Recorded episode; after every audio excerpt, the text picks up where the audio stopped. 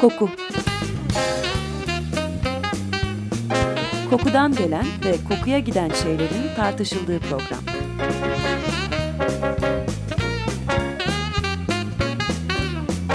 Hazırlayan ve sunan Vedat Ozan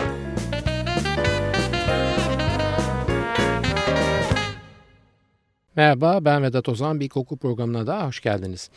Geçen hafta koku ve parfümlerle baştan çıkarma ve cinsel çekim arasındaki ilişkiler üzerine konuşmaya başlamıştık. O programımızı sonlandırırken verdiğimiz örnek çocuk firavun Tutankamon'un mezarından çıktığı iddia edilen bir parfüm üzerine geliştirilen bir formül ve bu formülle Laszlo Lengel ve kardeşinin bir sihirli aşk iksiri parfümünü piyasaya sürdükleri ancak Firavun'un laneti nedeniyle hasta düşerek parfümü piyasadan çektikleri ve bunun üzerine yeniden iyileştikleri yolundaki efsaneyle ilgiliydi. Aslında sadece modern toplumlarda değil dünyanın daha gözden uzak köşelerinde de parfümlerin cinsel cazibeyi arttırması ile ilgili inanışlar mevcut ve bu inanışlar günlük hayatta da yer buluyor. Yeni Gine kabilelerinde şamanların üzerine efsunlar ve büyüler okuyup üfledikleri zencefil yapraklarının kabile erkekleri tarafından yüzlerine ve vücutlarına sürülmesi halinde kabiledeki hanımların aklını çelebildiğine inanılıyor. Amazonlarda Yanomamöler de benzer bir şekilde kokulu ot ve bitki dolu torbacıkları üzerlerinde taşıyarak hanımları kollarına düşürmeye çalışıyorlar. Bu örnekler bizi hafifçe gülümsetiyor belki ama yıllar içinde basında yer alan parfüm reklamlarının da bizde yerleştirilmiş olduğu, yönlendirilmiş diyebileceğim algıların bizi kokuların baştan çıkarma yeteneği konusunda bu örneklerden pek de uzağa düşürmediğine inanıyorum. Reklam metinleri ve bunlarla bir arada düşünülerek tasarlanmış şişe ve ambalajlar bizi içlerindeki maddenin kendisine tanımlamayan bir güç atfetmemize ve bilerek veya bilmeyerek bu maddelerin içeriğindeki baştan çıkarıcı imgeye inanmamızı sağlıyor. Daha önce geniş olarak değindiğimiz o feromonlu parfümler faslını bir yana bırakırsak bile daha doğal malzemelerin içinde de biz bu çekim gücünü arıyoruz ve varlığına inanıyoruz. Parfümörler sürekli bazı çiçeklerin içindeki afrodizyak olduğuna inanılan özellikleri parfümün genel havası içinde öne çıkarmaya uğraşıyorlar. Elbette bu çiçek kokuları içinde öncelik dışkı ve çürük ette de mevcut olan indol molekülünü içeriğini içeren esans yağları ve absolülerde yani yasemin, portakal çiçeği, tüberoz yani sümbülteber veya diğer bazı beyaz çiçeklerde. Ancak bu molekülü içermeyen gül yağı, ambret tohumu, sivet, tolu balzamı gibi bazı diğer içerik maddelerinin kokularını da balzamik ve hafif hayvansal havalarından dolayı parfümlerimizin içinde isimlerini veya varlıklarını bilmeden beğeniyor ve seksi buluyoruz. Bunların Çin'de bilim insanlarının henüz keşfedemedikleri bir ortak koku molekülü mü var acaba? Veya milyar dolarlık koku endüstrisi neyi atlıyor olabilir? Aslında bunu aramanın yolu pek de bilgimiz olmayan veya hakkında bilgimiz olsa da unutmayı veya bastırmayı tercih ettiğimiz kokuyla cinsellik arasındaki bir bağlantıdan geçiyor. Seksi bulduğumuz bütün kokuların subliminal diyebileceğim yani bilinç düzeyinde algılayamadığımız bir ortak özelliği var.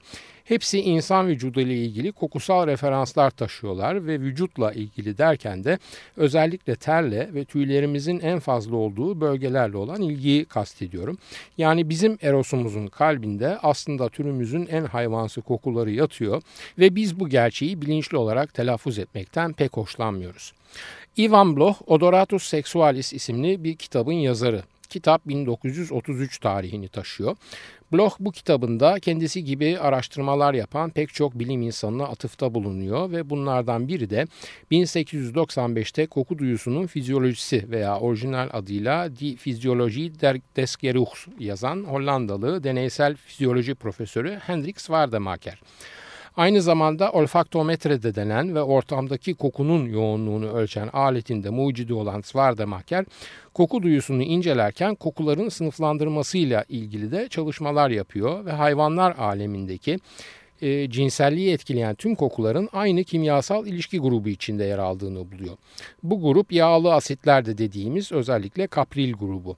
Bu grup kimyasal onun deyimiyle dişi vücudunun girişinde yani vajinada, erkek tohumunda yani spermde ve terde ortak olarak mevcut. Bu tip benzer kokuların hepsinde keçi veya teke kokusu gibi bir karakter var ve zaten kapril ismini de almalarının sebebi bu. Zira kapra keçi ailesindeki hayvanların tümünün latince jenerik ismi. Kaprilik asidin parfüm dünyasında tonlarca tüketilen pek çok eterik yağın üretilmesinde ticari kullanım bulduğunun altını çizerek ve keçi peyniri yerken bu dediklerim aklınıza gelirse beni suçlamayacağınızı umarak Svarda Maker'den gene Ivan Bloch'a dönüyoruz. Bloch diyor ki eski Mısır'da hem erkekler hem de kadınlar jenital bölgelerini parfümlendirirlerdi. E, bunu o bölgelerin kokusunu maskelemek için değil bilakis o bölgeleri en azından kokusal olarak daha fazla öne çıkarmak ve hatta kokularını abartmak için yaparlardı. E, Mısır'da 3 yıl ilaç ve eczacılık üzerine araştırma yapan Rönesans fizikçisi Prospero Albini'den alıntı yaparak devam ediyor Bloch ve alıntısında şunları yazıyor. Mısırlı kadınlar vajinalarını amber ve sivetle yağlarlardı ve bu yolla cinsel birleşmeden aldıkları hazzı arttırdıklarına inanırlardı. Nasıl diğer ulusların kadınları yüzlerinin ve saçlarının bakımına düşkündülerse Mısır kadınları da yüzden ve saçtan fazla cinsel organlarının bakımıyla ilgilenirlerdi. Gene Bloch'un Albini'den yaptığı alıntıdan anlıyoruz ki Mısırlı kadınlar o geleneksel kıpiyi de elleriyle yuvarlar ve küçük top haline getirdikten sonra vajinalarına yerleştirirlermiş. Kıpi dedim ve biraz duralım burada çünkü Kıpi antik çağlardan günümüze bilgisi aktarılan en önemli parfüm. Tanrılar Horus ve Set arasındaki efsanevi savaşın gerçekleştiği Edfu'da inşa edilen Horus Tapınağı eski Mısır'dan günümüze en iyi koşullarda kalan bir tapınak. Makedonyalı Ptomele hanedanı tarafından Mısırlı rahiplerin bir anlamda gönüllerini yapmak üzere inşa ediliyor. Rahipler sözel olarak birbirlerine aktardıkları veya papirüslere geçirdikleri gelenek ve reçetelerin e, zamanın yıpratıcı etkisine ne kadar dayanabileceği konusunda kuşkular duymaya başlayınca bu bilgilerin en önemlilerini bu kez de Horus Tapınağı'nın duvarlarına hierogliflerle kazımaya başlıyorlar. Bu sayede pek çok detaylı tarif ve içerik bilgilerine bugün ulaşılabiliyor ve Kıpi'nin tarifi veya formülü de bu ulaşılanlardan biri. Anahol'deki o zaman rahiplerce laboratuvar olarak kullanılan alanın duvarlarında yer alıyor. Sakız, amber, çimen, nane ve tarçın belirtilen sırayla bir araya getiriliyor ve buna baz deniyor. Bu baz vaha şaraplarıyla nemlendirilip bakır bir kazanda bir gece bekletiliyor. Bundan ayrı olarak sultani üzümler de ayrıca şaraba katılıyor ve az önce bahsettiğim bir gece dinlenmiş olan bazın içine ekleniyor. Bu katılımla beraber 5 gün daha dinlendiriliyor ve şarabın fazlası süzülüyor. Daha sonra gene ayrı olarak karıştırılan bal ve frankincense yani günlük ağacı 1'e 5 oranında bu bazın içine ilave edilip kaynatılıyor. Kaynamayla beraber su buharlaşıp çıkıyor ve balın kristalize olmasına sebep oluyor. Bu katılaşmış karışımda bir gece bekletildikten sonra sıra öğütülmüş müre geliyor ve o da ilave edildikten sonra tamamen kuruyana kadar e, ne kadar süre geçiyorsa o kadar daha bekletiliyor. Sonuçta da ortaya kıpi dediğimiz tütsü çıkıyor. Aslında bu kokunun ismi kıpi değil KPT yani hierogliflerdeki çözümünde veya kopta da denebiliyor. Ancak bugün referans olarak KPT'nin Yunanca'ya çevrilmiş olan hali yani kıpi kelimesini temel olarak alıyoruz. Bu tütsü hem dini törenlerde kullanılıyor hem de ilaç olarak. Ee, sadece Etfu Tapınağı'nda değil başka kaynaklarda da kullanım ve formülüne değinilmiş. Ancak her kaynaktaki formül diğerinden biraz farklılık gösteriyor. O biraz farklı, bu biraz daha farklı derken bir bakıyoruz ki 10 içerik maddesiyle yapılan kıpi de var, 36 içerik maddesiyle yapılanı da. Esas olan şu ki Etfu Tapınağı'ndaki formülde 16 tane madde sayılmış. Yunanların Mısır ilaçlarına gösterdikleri ilgi malum. Bu yüzden antik Yunan kayıtlarında da çokça rastlayabiliyoruz kıpi formüllerine. Dioskorides'in meşhur Materia Medicas'ında da var kıpi, Galenus'ta da var ve her ikisinde de formül gene tahmin edebileceğiniz gibi birbirinden farklı. İçinde bal da olduğu için kıpinin kokusu genel olarak tatlı diye tanımlanabilecek bir koku. Her ne kadar koku zevki bireysel olsa da tüm kaynaklarda kokusu ortak olarak mükemmel diye tarif ediliyor. Hatta bir nefes kokladığınızda daha derin ve uzun nefesler almak istersiniz diye de bahsediliyor. Etfu tapınağındaki formül diğerlerine göre daha isli bir koku içeriyor ve bunun sebebinin de balın olduğu gibi değil kaynatılarak ilave edilmesi olduğu zannediliyor. Bir başka özelliği daha var tarif edilen ki bu da kıfiyi kokladığınız zaman tatlı bir uyku veya uyuşukluk halinin sizi sarması ve bu uykulu haliniz boyunca hayalinizde görsel imgeler oluşması yerine ses olarak rüya görmenize yol açtığı. Tariflerin içinde aslında saydıklarımdan fazla malzeme var ve ortak görüş bugün kelime anlamı olarak ne olduğu keşfedilemeyen e, veya botanik kimliğine ulaşılamayan bazı malzeme isimlerinin kanabis yani marihuana'ya işaret ettiği yönünde.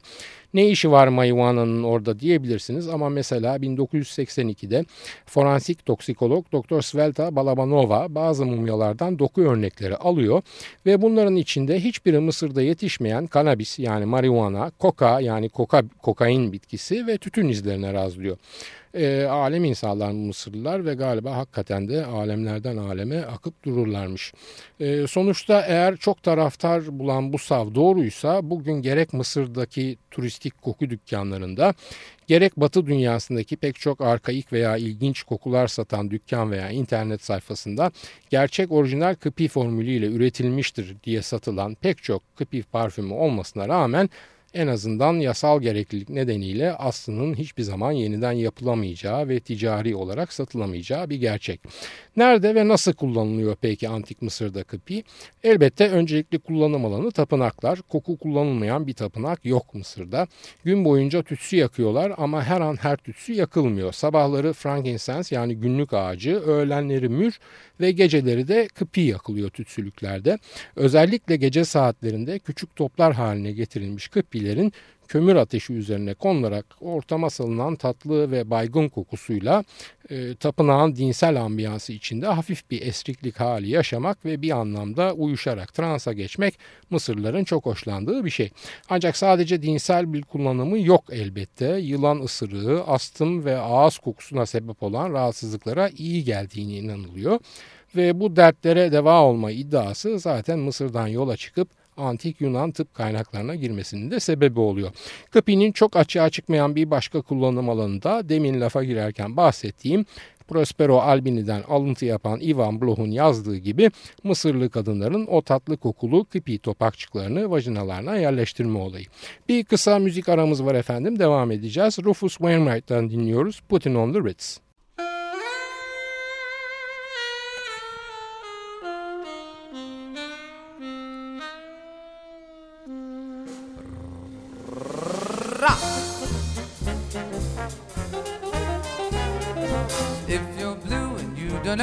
To go to, why don't you go where fashion sits? Putting on the ritz. Different gowns upon a bevy of highbrows from down the levee, all misfits. Putting on the ritz. That's where each and every Lulu Bell goes. Every Sunday evening with the swell girls, Rubbing elbows, come let's mix with Rockefellers. Walk with sticks and umbrellas in their midst. Putting on the rest.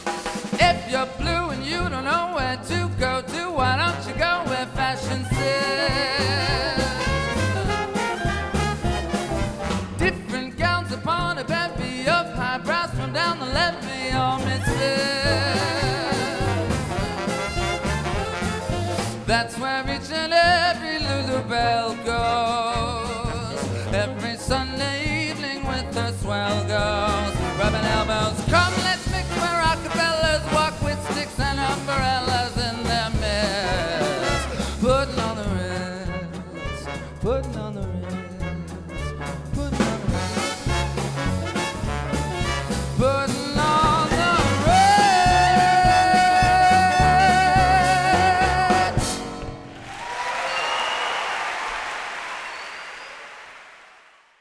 Açık Radyo 94.9 Koku programındayız. Rufus Wainwright'tan dinledik Putin on the Ritz. Efendim ikinci bölüme geçmeden önce iki küçük duyuru yapmak istiyorum müsaadeniz olursa. Öncelikle yaklaşık 3 haftadır bu programın yayınları Açık Radyo'nun podcast listesinde yer alıyor. Yani artık kaçırdığınız koku programlarına açikradyo.com.tr sitesine girerek ve bu sitenin giriş sayfasında sol sütunda yer alan podcast ikonunu tıklayarak gelen listeden ulaşabilirsiniz. Her yayın bir sonraki gün bu podcast listesinin içine yerleşiyor. Yani şu anda dinlemekte olduğunuz yayına yarından itibaren podcast sayfasından ulaşabilirsiniz. Her hafta hem yeni yayını hem de yeniden eskiye doğru bir sıra içinde bir de geçmiş yayını buraya yerleştiriyoruz ve umarım süreç içinde programımızın tüm arşivine buradan erişmek mümkün olabilecek. Tekrar ediyorum eski yayınları dinlemek için acikradyo.com.tr sitesine girerek sol sütundaki podcast ikonunu tıklamanız ve gelen listenin içinden koku programına ulaşmanız gerekiyor. Bir diğer konu da dinleyicimiz ve destekçimiz sevgili Pınar İlkiz'in bize yapmış olduğu küçük ama değerli bir sürpriz. Programda belirtilen bazı kaynakları veya görsel olarak ulaşılamayan bazı imgeleri merak eden ancak bunlara erişemeyen Pınar İlkiz bize Facebook'ta bir sayfa hazırlamış. Bu sayfada hem her pazartesi günü bir ertesi gün yani salı günü yayınlanacak programın konu başlıkları hem de geçmiş programlarla ilgili bazı kaynak veya görsel imgelere bağlantılar yer alacak. Sevgili Pınar sayfayı hazırlarken boş kalmasın diye benim hasbelkader yer aldığım bazı medya linkleri ve fotoğrafları yükleyerek başlatmış sayfayı ama yaklaşık iki haftadır bahsettiğim içeriği yüklemek ve güncellemek konusunda da denemeler yapıyoruz. Şunu bir çekince olarak belirtmek istiyorum ki maalesef kaynakların çoğu Türkçe değil İngilizce çünkü bizim dilimizde bu programın ilgi alanlarıyla bağlantılı kaynak sayısı inanamayacağınız kadar kısıtlı. Ee, Pınar ilgilenen dinleyicilerimizin bu sayfaya nasıl ulaşabileceğini bize sen açıklar mısın? Facebook'ta arama çubuğuna Vedat Ozan yazdığınız zaman karşınıza bir sürü sonuç çıkacak. Bunlardan Pages yani sayfalar bölümündeki Vedat Ozan koku et açık radyo sayfasına tıkladığınızda gerek programın içeriği gerek programda işlenen konularla ilgili görsel ve dokümanlara ulaşabilirsiniz. Facebook'tan direkt arama yapmak isteyenler için sayfanın adresini tekrar ediyorum. Facebook'taki arama çubuğuna Vedat Ozan koku et açık radyo yazarsanız Vedat Ozan'ın programı ile ilgili sayfaya ulaşabilirsiniz. Sevgili Pınar İlkiz'e zamanı ve programa her anlamdaki katkısı için çok teşekkür ediyorum ve konumuza geri dönüyorum. Evet eski Mısır'da kadınların koku ve cinsellik bağlantısının üzerine kendi cinsel organlarını kokulandırmak suretiyle nasıl gittiklerini ve bu sonsuz arzuya nasıl ulaşmaya çalıştıklarını ilk bölümde kısaca gördük.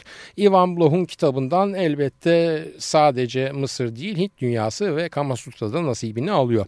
Hint kültüründe kadınlar biliyorsunuz dört ana kategori içinde değerli değerlendiriliyor. Bu kategorilerin her birinde o kategorideki hanımların hem genel vücut yapısı hem de ve özellikle jenital bölgelerinin fizyonomisiyle bu bölgelerin koku profilleri detaylı olarak tarif ediliyor ve buradan yola çıkarak haz dünyasının kapıları önceden edinilmiş bilgiyle aralanmak isteniyor.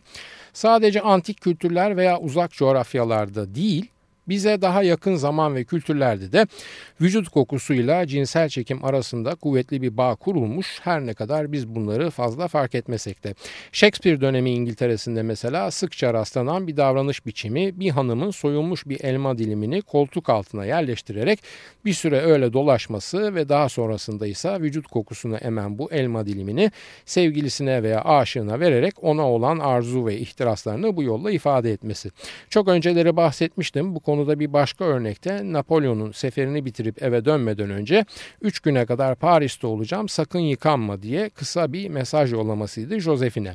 Çimen Yapraklarının yazarı Walt Whitman belki de bunu sözel olarak en net şekilde ter kokusunu duadan daha tatlı bir aroma diye tarif ederek yapıyor. Ancak aşığın, sevgilinin veya arzulunun kokusu elbette duyuların önceliklerinin yer değiştirmesiyle beraber kokusal olandan görsel olana doğru bir geçiş yapıyor. Arzu Arzumuzun nesnesi modern zamanların başında artık çiçek gibi kokmasa da bir çiçek haline geliyor ve cinsellikle kurulan kokusal bağlantılar bilincin altına itiliyor. Onları ancak çok ararsak Yasemin veya gül veya sivet gibi afrodizyak özellikler atfedilmiş koku kaynaklarının moleküler yapısı içinde derinlerde gizlenmiş olarak bulabiliyoruz ve bu halimizi de bilincimizle tanımlayabilmekten uzağız. Belki de bu anlamda en dürüst tanımı Baudelaire yapıyor. Ona göre bir kadın veya erkek diye biz ekleyelim. İyi ve kötü dahil olmak üzere pek çok şey kokar ve baştan çıkarıcı olan parfümün kendisi değil onun altındaki yani sürüldüğü vücuttur. Baz notanın altındaki baz nota diye de tanımlayabiliriz bu ifadeyi parfüm aleminin dilinde. Burada dikkat etmemiz gereken parfümün altındaki ten tanımının kendisidir belki de. Çıplak haliyle biten değildir bu haliyle ve aynı Mısırlı kadınların küçük hileleri ile olduğu gibi veya bir parfümeriden alınan bir parfümün üzerimize uygulanmasında olduğu gibi parfümle tenin birlikteliğidir. Tenin kokusu ve bu kokunun cinsel birleşmeye ve üremeye dair verdiği kimyasal sinyaller bizim hayvansı geçmişimizde kalırken sosyal bir varlık olarak evrilmemizle beraber burada verilen mesajlarda süslenmiş dolaylı ve bilinçaltına yönelik flörtöz mesajlar haline gelmiştir. İnsan beyninin ve yol açtığı karmaşık algıların cinsellik ve cinselliğin kokuyla olan ilgisinin pek çok örneği var. Ancak bazıları o kadar sert ve çıplak örnekler ki ben onları bu programda verip vermemekte tereddüt ediyorum. Belki de tam burada anılar faktörünü de atlamamamız gerekiyor. Anı ve hatıra deyince de duygu ve hafıza işleme merkezimiz olan limbik sisteme dolaysız ulaşımı olan koku duyusunu es geçmemiz elbette olanak dışı. Bazen şeylerin yaşandıkları andan daha fazla abartıldığı, geriye bakan zamanlarımız diye de tanımlayabiliriz hayatımızdaki anıları ve onları geri çağırdığımız kısa dönemleri. Baudelaire'den biraz daha ileri giden Henry Miller'dan bir tanım vereyim bu konuda. Ancak müsaadenizle biraz yumuşatayım da vereyim. Çünkü Miller lafını pek sakınmayan bir yazar. Olduğu gibi adlı adınca söylüyor bazı şeyleri ve ayrıca söyledikleri sadece kadınlara yönelik. Biz cinsel kimlikten bağımsız hale getirerek ve kelimelerle oynayarak şöyle yorumlayalım Henry Miller'ın dediğini. Diyor ki Miller bir karşı cinse dokunduktan sonra parmaklarda kalan koku geçmiş zamanın hazlarına yönelik bir koku olduğu için dokunulan yer ve dokunulduğu anın kokusundan daha keyif vericidir. Çünkü hatırlanması sürecinde o an ve bölgelere ilişkin başka hazlara ilişkin duygularımız ve yorumlarımız da işin içine katılır. E, vücutlarımızın en sert kokuları bizi sadece itmez, aynı zamanda itiraf edemesek de bize çekici gelebilir. Uyarılma ile iğrenme arasındaki bu ince denge kendisi itibariyle cinsel çekim demektir. Çünkü bizlerde erotik bir gerilime veya bilinç düzeyinde erotizmi de içeren bir konu başlıkları grubu içinde mücadeleye yol açar. Koku hayvanlar aleminde çiftleşme sinyallerinde örnekleri görülebileceği gibi erotik olmadan da cinsel olabilir ama aslında cinselliğimizin doğanın, erotizmimizin ise insanlığın mülkiyetindeki alanları olduğunu unutmamamız gerekir. İki haftadır konuştuğumuz bu konuda bütün bu söylediklerimizden yola çıkarak nereye geliriz? İlk programın başında parfümör veya koku dünyası ile ilgilenenlere en sık sorulan soruya geliriz elbette. Bir kadın veya erkeği baştan çıkaracak parfüm hangisidir sorusuna. Ee, bunun malzeme veya ekol bazında parfümör dilinde tek bir cevabı yok. Hayvanlar vomeronazal organları sayesinde feromonlar vasıtasıyla kendilerine iletilen birleşme çağrılarını algılayabiliyorlar. Keza çiçekler aromalarını ortama salarak e, uçuculara davet mektupları gönderiyorlar ve çapraz polinasyonu, tohumlamayı sağlayabiliyorlar. Bizim sürülebilen koku mesajlarımızın bunların toplamından fazla bir şey olması lazım. Ya da şöyle söyleyeyim. Gerçekten afrodizyak olabilen bir parfüm. Yani bizi arzuladığımızın bizi arzulamasına götürebilen kokusal bir mesaj ancak bilinçaltımızdaki hayvansal üreme güdümüzü modern zamanların bütün erotik katmanlarını da içererek tetikleyen bir parfümdür. İleride zaman zaman gene bu konuya dönmemiz kokunun doğası gereği kaçınılmaz. Ancak bugünkü süremizin de sonuna geldik. Haftaya yokuz. Bizim yerimize daha önemli bir şey var. Açık Radyo Dinleyici Destek Projesi'nin yayını var. Bir sonraki hafta buluşmak üzere soru, öneri ve eleştirileriniz için e-posta adresimizi veriyoruz veriyorum. Koku programı at yahoo.com. Ben Vedat Ozan. Radyonuz kokusuz kalmasın sevgilerimle.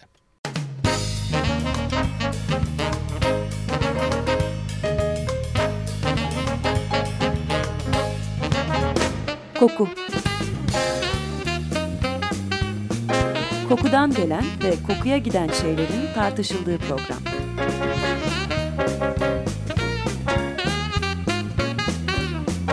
Hazırlayan ve sunan Vedat Ozan